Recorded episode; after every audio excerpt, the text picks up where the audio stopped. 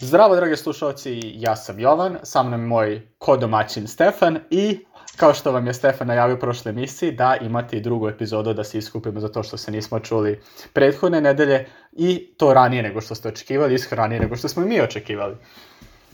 A, tako je, a, da budemo potpuno a, transparentni, da kažem u ovom snimanju, a, mi snimamo ovu epizodu a, jedno 15 minuta nakon što smo, što smo završili prethodnu, a, što za vas, dragi slušalci, ne mora da bude slučaj, ali, nad, slučaj, ali nadamo se da će biti. No, a, danas, pardon, sada nastavljamo sa reviewom knjige Atomic Habits. U prošloj epizodi smo pričali nešto o prva dva zakona funkcionisanja navika, odnosno da promene ponašanja, a sada ćemo pričati i o poslednje dva. Tako pa, Jovane, hoćeš možda ti da počneš? Uskoro, moćemo samo reći možda koji su to prva dva zakona bila za ljude koji su zaboravili našu prethodnu epizodu. Uh, može, može, pravo si. Uh, dakle, prvi zakon, uh, ajde, dobro, kratak, kratak uh, kratko podsjećanje svega. Navike su podeljene u četiri segmenta. Okidač, žudnja, e, odgovor i nagrada. Ožon, gde je okidač nožon, neki... Okay. Da, ožon je Jovanova fenomenalna skraćenica. E, okidač je neki spoljašnji uticaj koji nas jel, natera da se setimo uošte te navike i dovede nam je uošte u mozak. E, potom žudnja je ono što osetimo kada se taj okidač desi. E, miris bureka je okidač koji okine našu želju da ga jedemo. E, odgovor je ono što mi uradimo po tom pitanju i nagrade, osjećaj i zadovoljstva koji dobijemo, potom, dobijemo kada je uh, po završetku tog odgovora. I uh, za prva, prva dva zakona, odnosno svake od ta četiri zakona se tiče po jednog od ova četiri aspekta navike. I prvi zakon se tiče, jel, očigledno prvog aspekta, to su ti okidači i kaže učinimo ih očiglednim za navike koje želimo da jel, uvedemo sebi, a što se tiče nekih loših navika, jel, inverzija ovog gla, uh, zakona glasi učinimo ih nevidljivim. Dakle, treba da okidače pozitivnih navika činimo što vidljivim, a uh, negativnih što nevidljivim. I onda možeš ti da ispričaš za drugi zakon. Tako da, drugi zakon je, tiče se našeg uh, naše žudnje i a, ukoliko želimo da stvorimo novu naviku, novu naviku treba da učinimo privlačnom, a ukoliko želimo da se otaresimo neki loš navik, treba da učinimo odbojnom. I onda smo tu imali, jel, primer a, polgrav sestara i primer pušenja s druge strane. Dok to nas dovode do naše prve teme ove emisije, to je treći zakon. Treći zakon se tiče odgovora i to je jedan od zakona koji su ove, kojim ovoj knjizi posvećeno možda i više pažnje nego svim drugim zakonima, a to je učini da navika bude laka. Primer za to. Ukoliko želimo da trčimo, treba da smanjimo a, treba da smanjimo trenje koje nas sprečava da zaista i trčimo. I ukoliko je teško trčati, jel, 5-10 km koliko god da nam je krajni cilj, možemo za početak da tu naviku učinimo lako tako što ćemo samo, na primjer, obući patike i izaći napolje. Jel, sa idejom da ćemo onda Uh, nikome nije to teško da obuče patike i izađe napolje, a mnogo veliki broj ljudi odustane pre nego što uradi taj prvi korak uopšte u odnosu na broj ljudi koji odustane kad su već izašli napolje. Uh, tako je, autor spomenje često taj uh, to pravilo koje je nazvao dvominutno pravilo u našem slobodnom prevodu, uh, gde je uh, njegov savet da se uh, neke naporne navike svedu na njihove, ajde da kažem, pojednostavljene varijante od, sa trajanjem od samo dva minuta. I ideja je da mi razvijemo naviku za počinjanja te aktivnosti koju smo sveli na minimum u trajanju 2 minuta i da kada razvijemo tu naviku da ćemo lakše uh, jel, napredovati sa povećanjem vremena i Uh, primer za to je, kao što si ti rekao, za trčanje, prvi korak bi bio da eto, obojemo patike i izađemo iz kuće, bukvalno. Uh, drugi korak bi bio da nakon eto, 3 do 5 nedelju dana, koliko god odlučimo da, da želimo da, uh, da samo obovamo patike, optrčimo 100 metara, krug oko kuće, oko ulice, šta god. I da tako postepeno povećavamo i makoliko to da kažem suludo delovalo, autor kaže da je među njegovim prijateljima i raznim drugim ljudima koje je pitao to jako ostavilo dobar utisak i da su počeli pre ili kasnije da zaista primenjuju te navike koje su želeli uh, i koje su počele da uvode u tako nekom, uh, u maloj količini. Da, iskreno ja jedva čekam da i sam primenim to pravilo, pošto raniju prethodnih recimo godinu i po dve sam zaista redovno trčao po nekoliko puta nedeljno, međutim onda ovog leta sam potpuno prestao i sad mi nekako probam da se vratim u tu naviku i zaista i nameravam da počnem da primenjam to dvominutno pravilo da samo bučem patike i izađem i eto u neko narednih epizoda ću vas obavestiti o tome. No Stefan, da li možda i ti imaš neki primjer za ili ovo pravilo ili neko od drugih aspekata ovog trećeg pravila, kako si nešto učinio lakše? Uh, pa imao sam sa, um, Što se tiče nekih predmeta koji mi se zaista nisu učili, uh, konkretno što se tiče dvominutnog pravila, imao sam ideju da naučim barem jednu ili dve strane u toj nekoj seansi učenja, pa ok, sada ću naučiti jednu ili dve strane, uh, kasnije ću još jednu ili dve, kasnije ću još jednu ili dve i s jedne strane, pored toga što su se te strane nakupljale i nakupljale, ja sam sve lakše i lakše počinjao uopšte da učim, a kada počnem, ono, najteže je naterati se nešto uraditi, to i sami znate iz vašeg iskustva. Uh, I sad, drugi primjer je bili zaista, eto, uh, slično ovome sa čitanjem, ako želite da počnete da čitate često, da ono, pred spavanje pročitate jednu ili dve strane, ili pasus, bilo koliko god, neku malu zaista količinu, uh -huh. uh, ukoliko želite da... A imaš ti neki drugi primjer, Jovane? pa nemam sad za ovo, mislim da smo već dovoljno doslikali gledalcima za ovo, ali dopada mi se, da, slušalcima, no, a mislim, dopada mi se još jedna od aspekata ovog a, zakona kako učiniti nešto lakim, a to je pripremiti okruženje, jel?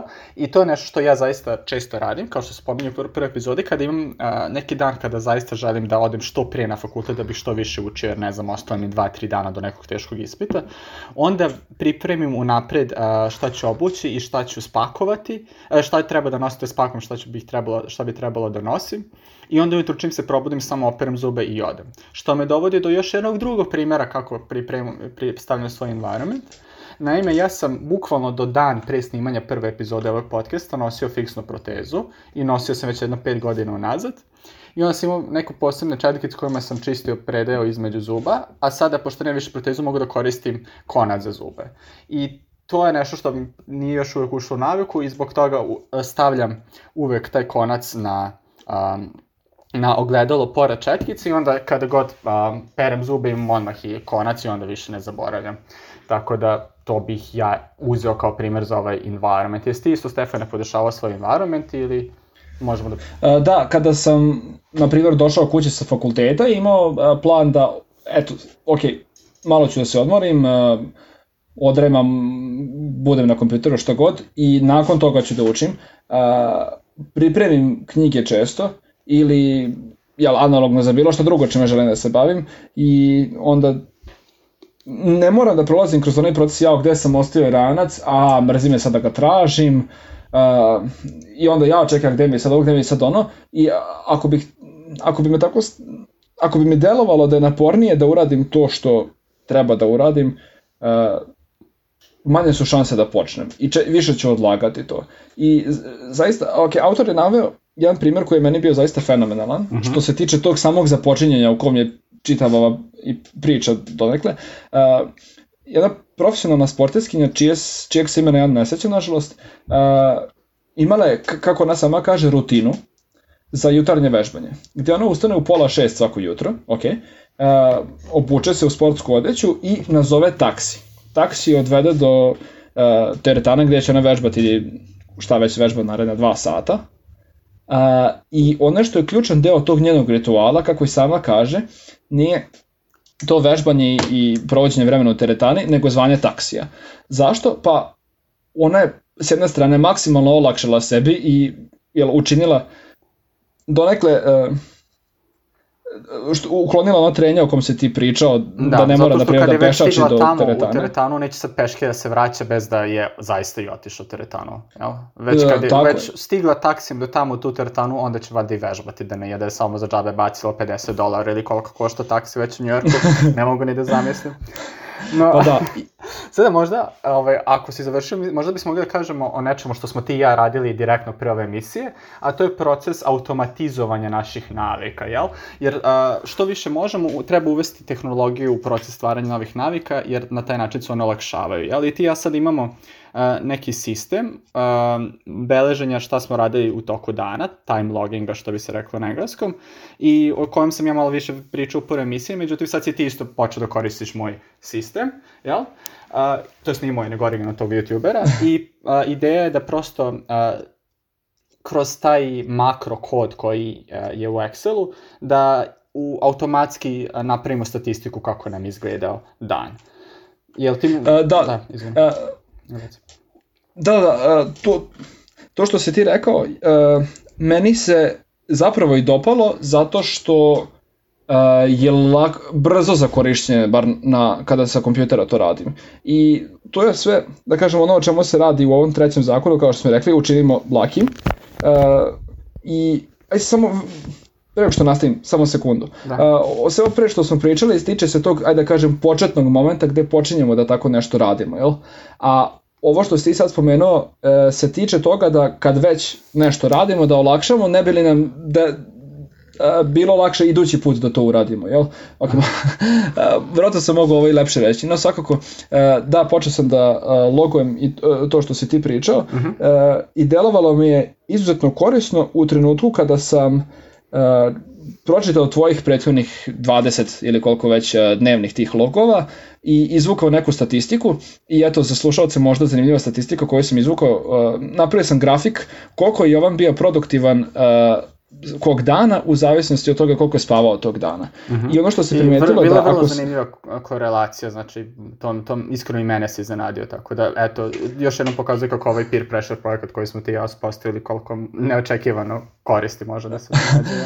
uh, da, naime, uh, u danima kada Jovan spava puno i kada se naspava, ne mora da znači da će biti produktivan, ali ako se ne naspava, sigurno neće biti produktivan. I to uh, da se naspava je preduslov da on dan provede kako želi što se tiče učenja posla i tako dalje.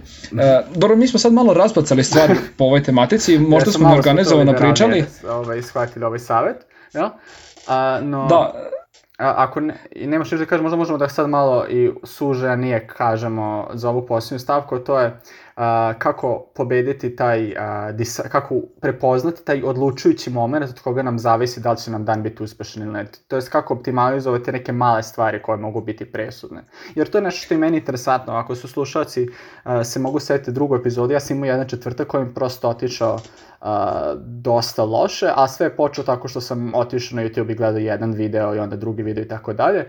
Znači, a, is, ali ne bilo kad, nego kad sam se vratio u sobu sa fakulteta. I on se primetio zapravo, kad god imam tako neki neproduktivan dan, vrlo često počeo u trenutku kada se vratim sa fakulteta ili kada tek uđem u neku novu prostoriju, to je ta tranzicija, jel, iz, jednog, iz jedne lokacije u drugu mene često povede na, na jedan neproduktivan niz aktivnosti.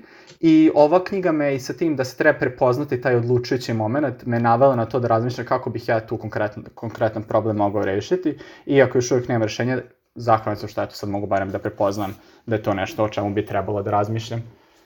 Uh, pa da, ono, ono što je možda svim našim slušalcima najpoznatiji primer je zapravo studiranje tokom, uh, učenje tokom bilo kog eto, letnjeg perioda ili vikenda ili kako god. Uh, mnogi studenti idu u čitaonicu. Uh, zašto? Pa taj odlazak u čitaonicu ih prvo ajde sprečava da provode vreme u nekoj meri, u nekom uh, udobnom okruženju, u krevetu ili za kompjuterom ili šta god. A drugo, ok, otišli su u čitaonicu sa nekom idejom i već je, sve o svemu da sad ne zalazimo tu detalje, ali već su šanse da uče zaista ako ode u tu čitaonicu.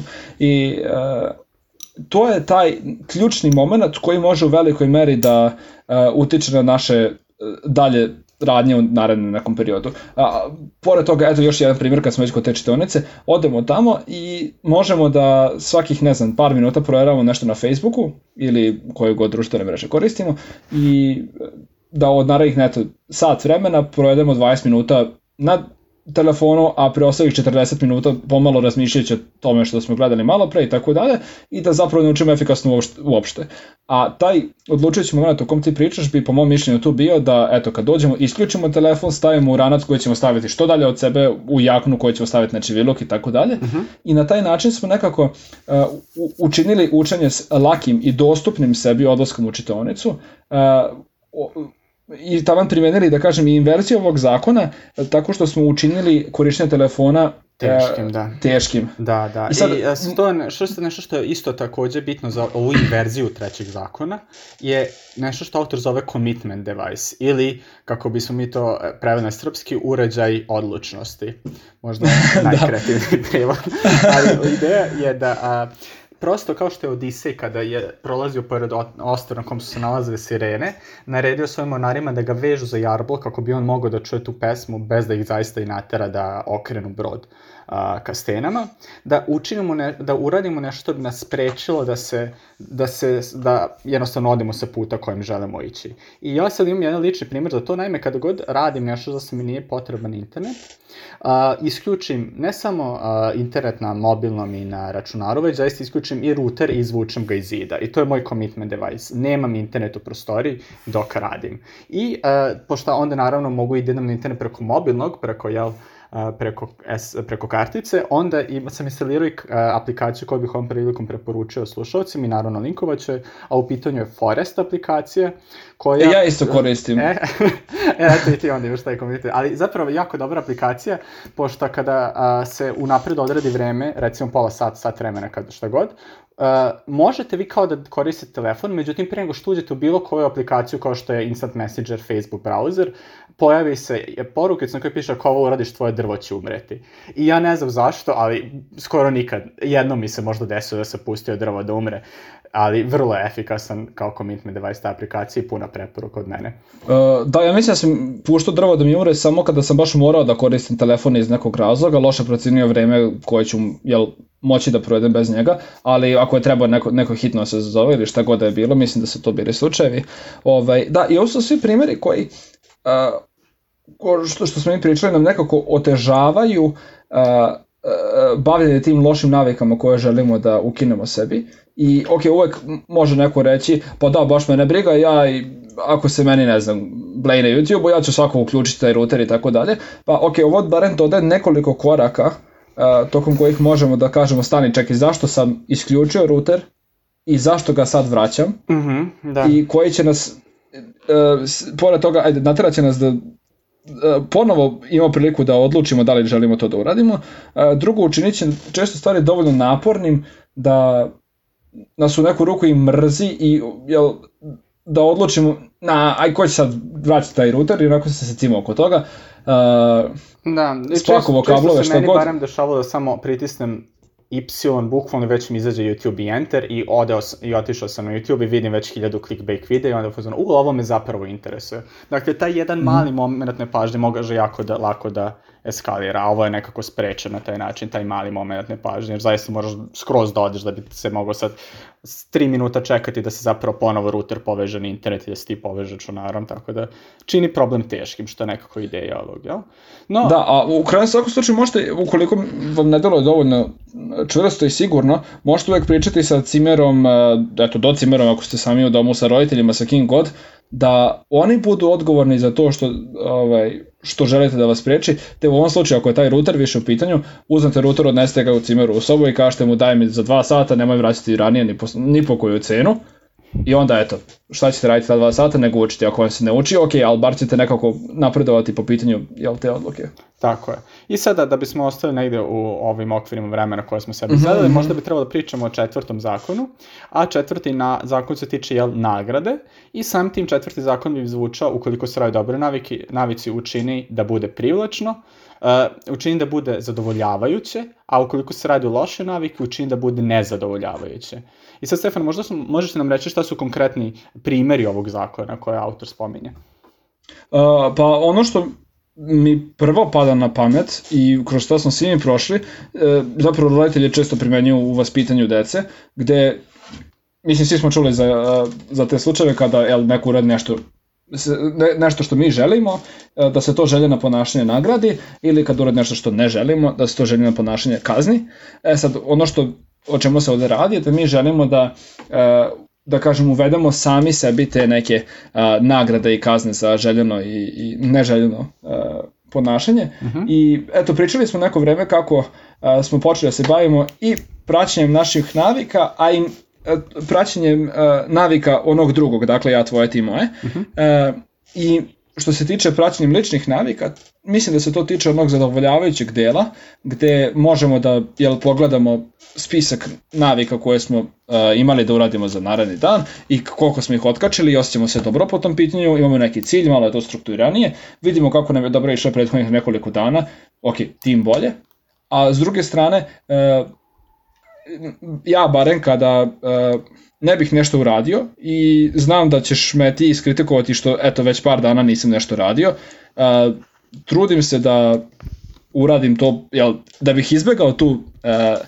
taj nezadovoljavajući deo gde ćeš mi te kritikovati. Mm -hmm, tako a, je, a zato i autor, ja mislim, kaže to isto još jedna od stvari koja ovdje ima, da se koriste habit trackeri, da prosto ljudi znaju šta su radili i šta nisu. I onda kad mm -hmm. imate habit trackere, da uh, stvaraju nizove uh, dana tokom koji su neku naviku radili. Konkretno to ono što ti radiš, ja sam to isto radio ranije pa sam prestao i sad ću nadam se ponovo krenuti, a to je da bukvalno imaš Excel tabelu u kojoj pišeš jedinicu koliko si nešto radio tog dana, na primjer, pisao, i nule ako nisi. I onda, ako si 15 dana za redom to radio, do, uh, imaš niz od 15 i tako dalje. I to je zapravo što jako, uh, jako je... Um, privlačno ljudima iz određenog razloga. Naprimjer, to je jedna, jedna od stvari koje se spominju u knjigama, a to je da tinejdžeri sad u Americi vole da koriste Snapchat, jer jedna od opcija Snapchata je da uh, za, svakog, uh, za svakog prijatelja s kojim pričaju i piše ispod ogrom, piše veliki broj dana koliko su oni za redom pričali međusobno. I to do te mere postalo bitno da kada uh, ta deca jel, odu na odmor ili gde god, svojim prijateljima ostave lozinku i korisničko ime da bi umesto njih mogli da nastave to dopisivanje sa kojim god prijateljem da se prosto ne bi prekinuo lanac. Tako da eto, ako to može se koristi za rad uh, nagovara, nagovaranja ljudi da koriste socijalne mreže duže, verovatno se može upotrebiti i za mnogo korisnije stvari. Uh, a čekaj, ok, da naši slušalci znaju, ja sam dva puta pročitao knjigu i nisam siguran da se sećam ovoga. Zapravo, tako da... Da, ne znam, ja verujem da je primjer bio u knjizu, međutim možda se i pogrešio, pošto sam sigurno čuo negde za ovaj podatak, moguće da i neko drugi, ali mislim okay, da u e, svakom slučaju slikava ideju koju autor pokušao da prenese. Da, iskoristio bih e, ovu priliku da pozovem naše slušalce da pročitaju knjigu i da nam jave da li ovaj ono primjer bio u knjizi. Uh, I eto, ko nas se prvi javi dobija uh, Pohvala. shout out od nas. Pošto sada ne zarađujemo. Kada krenu zarađivati od podcasta, možda bude neka prava nagrada, a mail adresa je naravno abstract.post.gmail.com. E, tako je. I eto, e, tih habit trackeri, e, objavit ćemo ih i u opisu ove emisije. E, ja sam svoje e, promenio, tako da su sad još neko bolji i lepši zato što sam, uh, dobro vidjet ćete u svakom slučaju, uh, zadovoljavajuće je kada popunjavam te navike koje radim i dopada mi se i Jovan me pohvali, jedno mi bude drago i to je baš, uh, dobro, uh, Jovan će takođe okačiti svoje uh, koje sam ja počeo da primenjam, da, tako da možete da vidite i njegov primer. Uh, No Jovane, kako ti postupaš u situacijama kada ti se nešto ispreči i ne možeš da jel, uradiš tu naviku koju želiš u tom trenutku. Pa da, Šta onda trudim uradiš? se da, kao što i autor sam kaže, da se nikad ne desi dva put. Jer ako se nam nešto zaista iskoči na put, može naravno svakom da se desi da jel, je baš previše hotičan dan i da ne mogu da urade čak ni tu neku kratku rutinu. Jel, na primjer, ako pričamo o 7 minute workout, koji je nešto čemu bismo možda mogli da pričamo u narednim epizodama, vrlo korisna stvar. Uh, čak i ako tako kratko trajem, postoji dan kad nam se može desiti da ne možemo to nikako da uradimo i to je okej. Okay ali onda hajde da se ne desi dva put, jer kao što autor kaže, ako se desi dva put, to više nije slučajnost, već je početak nove loše navike. Uh, da. Da, tako je, jedan, jedan, uh, jedan dan možda bude izuzetak, dok su dva vezana dana početak nove navike koja je loše, koju bismo želeli da, da izbegnemo. No dobro, sad pre nego što krenemo da pričamo o inverziji ovoga, uh, možemo možda kažemo jedan primjer koji se meni baš jako dopao i koji još nisam krenuo da primenjam, ali sigurno hoću, mi delo je krajnje korisno i iskreno zaboravio sam ga nakon prvog čitanja, nakon drugog me baš impresionirao, to je primjer sa spajalicama. I uh, konkretno s jednim čovekom koji je radio u prodaji i on je sebi uvek unapred za odredio koliko želi ljudi da zove tog dana i nakon svakog poziva je prebacio jednu spajalicu iz jedne, uh, iz jedne provene kantice u drugu i na taj način je zaista imao vizualno podatak koji ga tero, ok, ajde još jedan poziv tamo ću prebaciti, nekog se samog sebe nagrađivao, učinio je da bude zadovoljavajući proces zvanja klijenata, iako on sam po sebi vjerojatno nije toliko zabavan. I definitivno to hoću da uradim, pošto mogu da vidim kako bi to za ljudski mozak delovalo privlačno i korisno. Mm, da, to je neki e, način, da kažem, vizualizacije napretka i uspeha koji smo do sada ostvarili i na neki način potvrda i eliminiša onaj osjećaj da stojimo u mestu. Da, svakako. No, e sad što se tiče inverzije... Da, inverzije, to sam ti ja htio predložiti.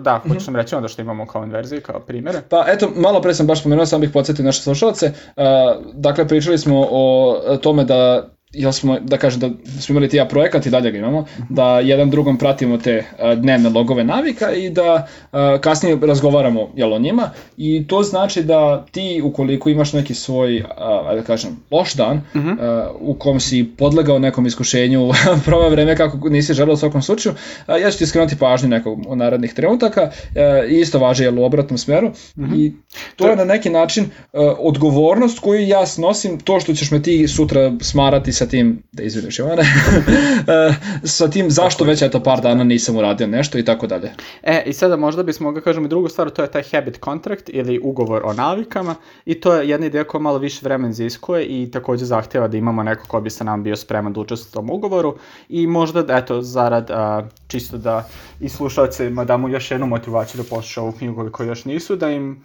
posavetujem da čuju knjigu i da razumeju tu ideju, pošto je malo duža bi nam trebalo da je objasnimo. A sada, da. Stefan, ja bih predložio da možda pričamo generalno ovako o svojim utisima knjige, kao i tom nekom drugom delu knjige koji je nakon ovog glavnog dela, u kojem autor priča generalno idejama, poput toga da se treba uh, ipak obratiti pažnja i na to čemu smo jel, prirodno sklodni. Uh, to jest da tre, ne treba da izgubim iz vida za to šta imamo talent i zašto nemamo talent kada biramo kakve navike ćemo formirati. Uh, tako je, dakle fizičke i mentalne i kakve emotivne, sve moguće predispozicije koje imamo su vrlo uh, značajne po pitanju formiranja naših navika i eto ja na primjer ako bih sad želeo da budem vrhunski košarkaš, a nisam građen za to, sve su šanse da mogu da se trudim koliko god hoću, ali da jel, neću uspeti jel, ukoliko bi neko ko je jel, predodređen za to. Uh, ali te, mislim da je neka pouka iz toga da treba da imamo realna očekivanja I e, autor je poradio Michaela Phelpsa, e, ovog je plevača vrlo poznatog i višestrukog olimpijskog prvaka u mnogim disciplinama, e, sa okay. ne mogu da setim imena, ali jednim maratonce, on sajde, e, trkačem na duge staze. Mm -hmm. I taj Michael Phelps je, recimo su, potpuno su drugčije građani, Michael Phelps ima mnogo duže ruke, veći torzo i tako dalje, dok ovaj drugi ima a, primetno duže noge i šta god da su pogodnosti za trčanje, a jel, tako da. nepogodnosti za plivanje. I verovatno te fizičke predispozicije sa kojima su rođeni imaju veliki uticaj na rezultate koje bi mogli postići i da su sve to zamenili sportova i trudili maksimalno uz sve svoje neke eto, zdrave navike i, i tre, metode treniranja verovatno ne bi postigli koliko su sada. Tako je, da. I sada još jedna od stvari mislim da si ovo vrlo lepo rekao, nemam šta je tu još, još da dodam, zato bih možda kre, uh, spomenuo što drugo što mi se dopalo u ovoj knjizi, a to je što je autor rekao da treba da obratimo pažnju da li zaista radimo nešto što je korisno ili samo radimo nešto što bi nam, što bi učinilo da se osjećamo kao da smo radili nešto korisno. I, na primjer, možemo mi da odemo u teretanu, ali onda možemo i da pričamo sa tim personalnim trenerom, o tome kako se hraniti 15 minuta umesto zaista da vežbamo. Ili ako ćemo nešto što je verovatno primeljivije na studente ili generalno za ljude na našem području, možemo da, ne znam, odgovaramo na mailovi ili biramo font pola sata ili da a, sređemo kancelariju i tako da deluje kao da radimo nešto, ali zapravo ne radimo ništa. To je mislim da, jako bitno zato što eto daje čoveku lažnu nagradu, nagradu koju nije zaslužio, a samo se zapravo gubi vreme. Da, i eto, ako imamo ispit za nedelju dana i provedemo treba da učimo to vreme, a umesto da učimo provedemo planirajući to učenje i imamo te kasnije dva dana da zapravo sprovedemo te planove u delo, sve su šanse da nećemo baš najbolje proći. I uh, jedan citat koji sam baš zapamtio uh, i dopada mi, se, dopada mi se jako, je da kada priprema ili planiranje postane vid prokrastinacije, što je u našem prevodu odlaganje. I prokrastinacija je sad naša reč, ali da, ok. Da, a, treba nešto da proverimo, jel, da, da obratimo pažnje. E, dakle, to je vrlo, ajde da kažem, opasno i deluje da je se lako upada u tu zamku, zato što, ok, svi mi imamo a, vjerojatno svima je lakše da sad uzmemo i planiramo, aha, tog dana ću učiti to, to, to i to, evo to ću tako i tako, to ću učiti sa tim i tim i tako dalje. Kad dođe to vreme, ako se to zaista ne sprovede u delu džaba. Tako je, slažem se. I, Ovako jednostavno rečeno. Da. I us, još jedna stvar koja mi se dopala, a tiče se nečega što smo danas pričali, to je taj povezivanje i stvaranje lanaca navika. Dakle, ukoliko recimo imamo ispit u petak, Mislim da nije realno da u sredu i četvrtak idemo na trčanje sat vremena, čak i ako smo, ne znam, prethodnih pet nedelja svake srede trčali.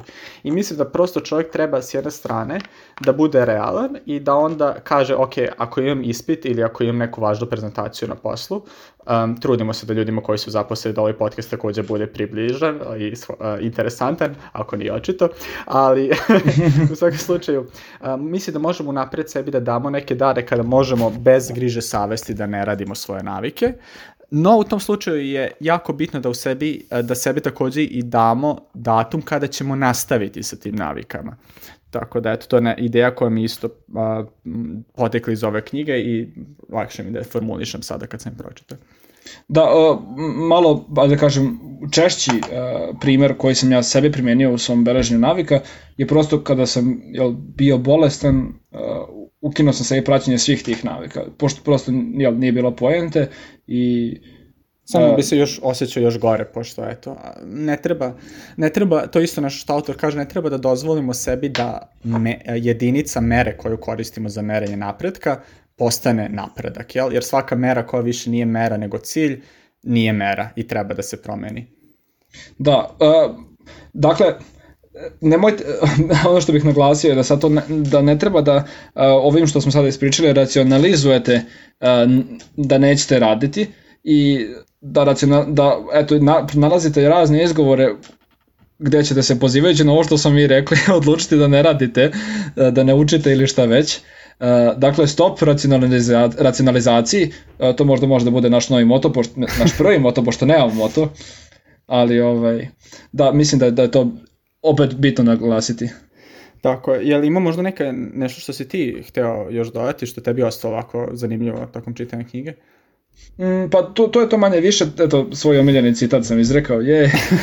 Onda bih možda ja samo rekao nešto što ovako nije baš direktno vezano za knjigu, ali me to spoteklo na razmišljanje, a to je ta nekako urođenost navika u nekom trenutku nam daje mogućnosti koje nismo ni svesni kako tačno ih možemo raditi. Onda autor daje primer uh, jedne medicinske sestre koja se jednog dana um, došla u stan i primetila je svog zeta ili koga god i rekla mu ne sviđa mi se kako izgledaš, na što on je odgovorio pa ono nisi ni ti meni sjajna, ali ona mu je zapravo rekla ne molim ti di proveri se nešto ni u redu i nakon, jel, posle par sati je taj čovjek bio na operaciji srca jer je bukvalno bio u predinfarktnom stanju Ili, recimo, mornari su na radarskim slikama u stanju, mornari koje voze, jel se na... Vojni... Mo, da, da, voze se na tim kao nosačima aviona ili što god, su u stanju da na radaru prepoznaju uh, da li je u pitanju raketa ili, pri, ili njihov avion koji samo vraća sa jel, um, ture. I iako one je gotovo identično izgledaju i gotovo identično se pomeraju.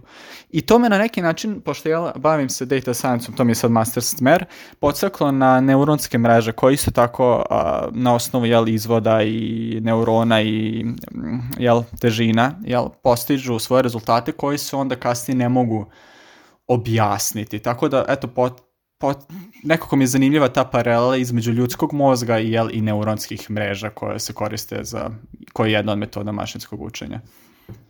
Uh, da, uh, mislim da je neki dobar zaključak uh, iz tog što si ispričao. Uh, u, u principu potvrda onoga što sam pre pričao je da se navike gomilaju i da eto ako uradimo nešto jedan put, ok, ne mora vidjeti neke druge rezultate, ali ako svaki dan radimo nešto po malo, malo, malo, malo, e, rezultate će se kasnije vidjeti i neće ništa doći onako iz vedra neba. I nije sad da je ta eto medicinska sestra otišla jednom i provela sat vremena na kursu ili gledajući YouTube snima kako prepoznati infarkt. Ne, nije da ona znala kako to da objasni, ali prosto eto, viđala je puno ljudi i sama je na neki neobjašnjiv način uh, eto, došla do te mogućnosti da prepozna to. E, I onda, ukoliko jel, si rekao da nemaš više šta da kaže, možda bismo mogli još jednom da zahvalimo slušalcima što su slušali ovu drugu epizodu koju smo reviewovali našu knjigu.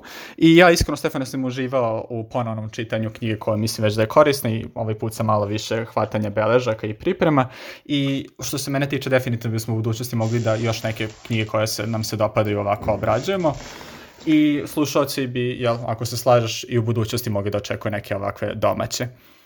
Uh, to, je, to je svakako tako. Uh, dakle, ajde neki rezime što same knjige tiče. Ja bih rekao da je knjiga uh, izuzetno praktična, korisna na taj način, a, motivišuća a, i zanimljiva za čitanje čak i van tog konteksta promene ponašanja i van konteksta navika. Da.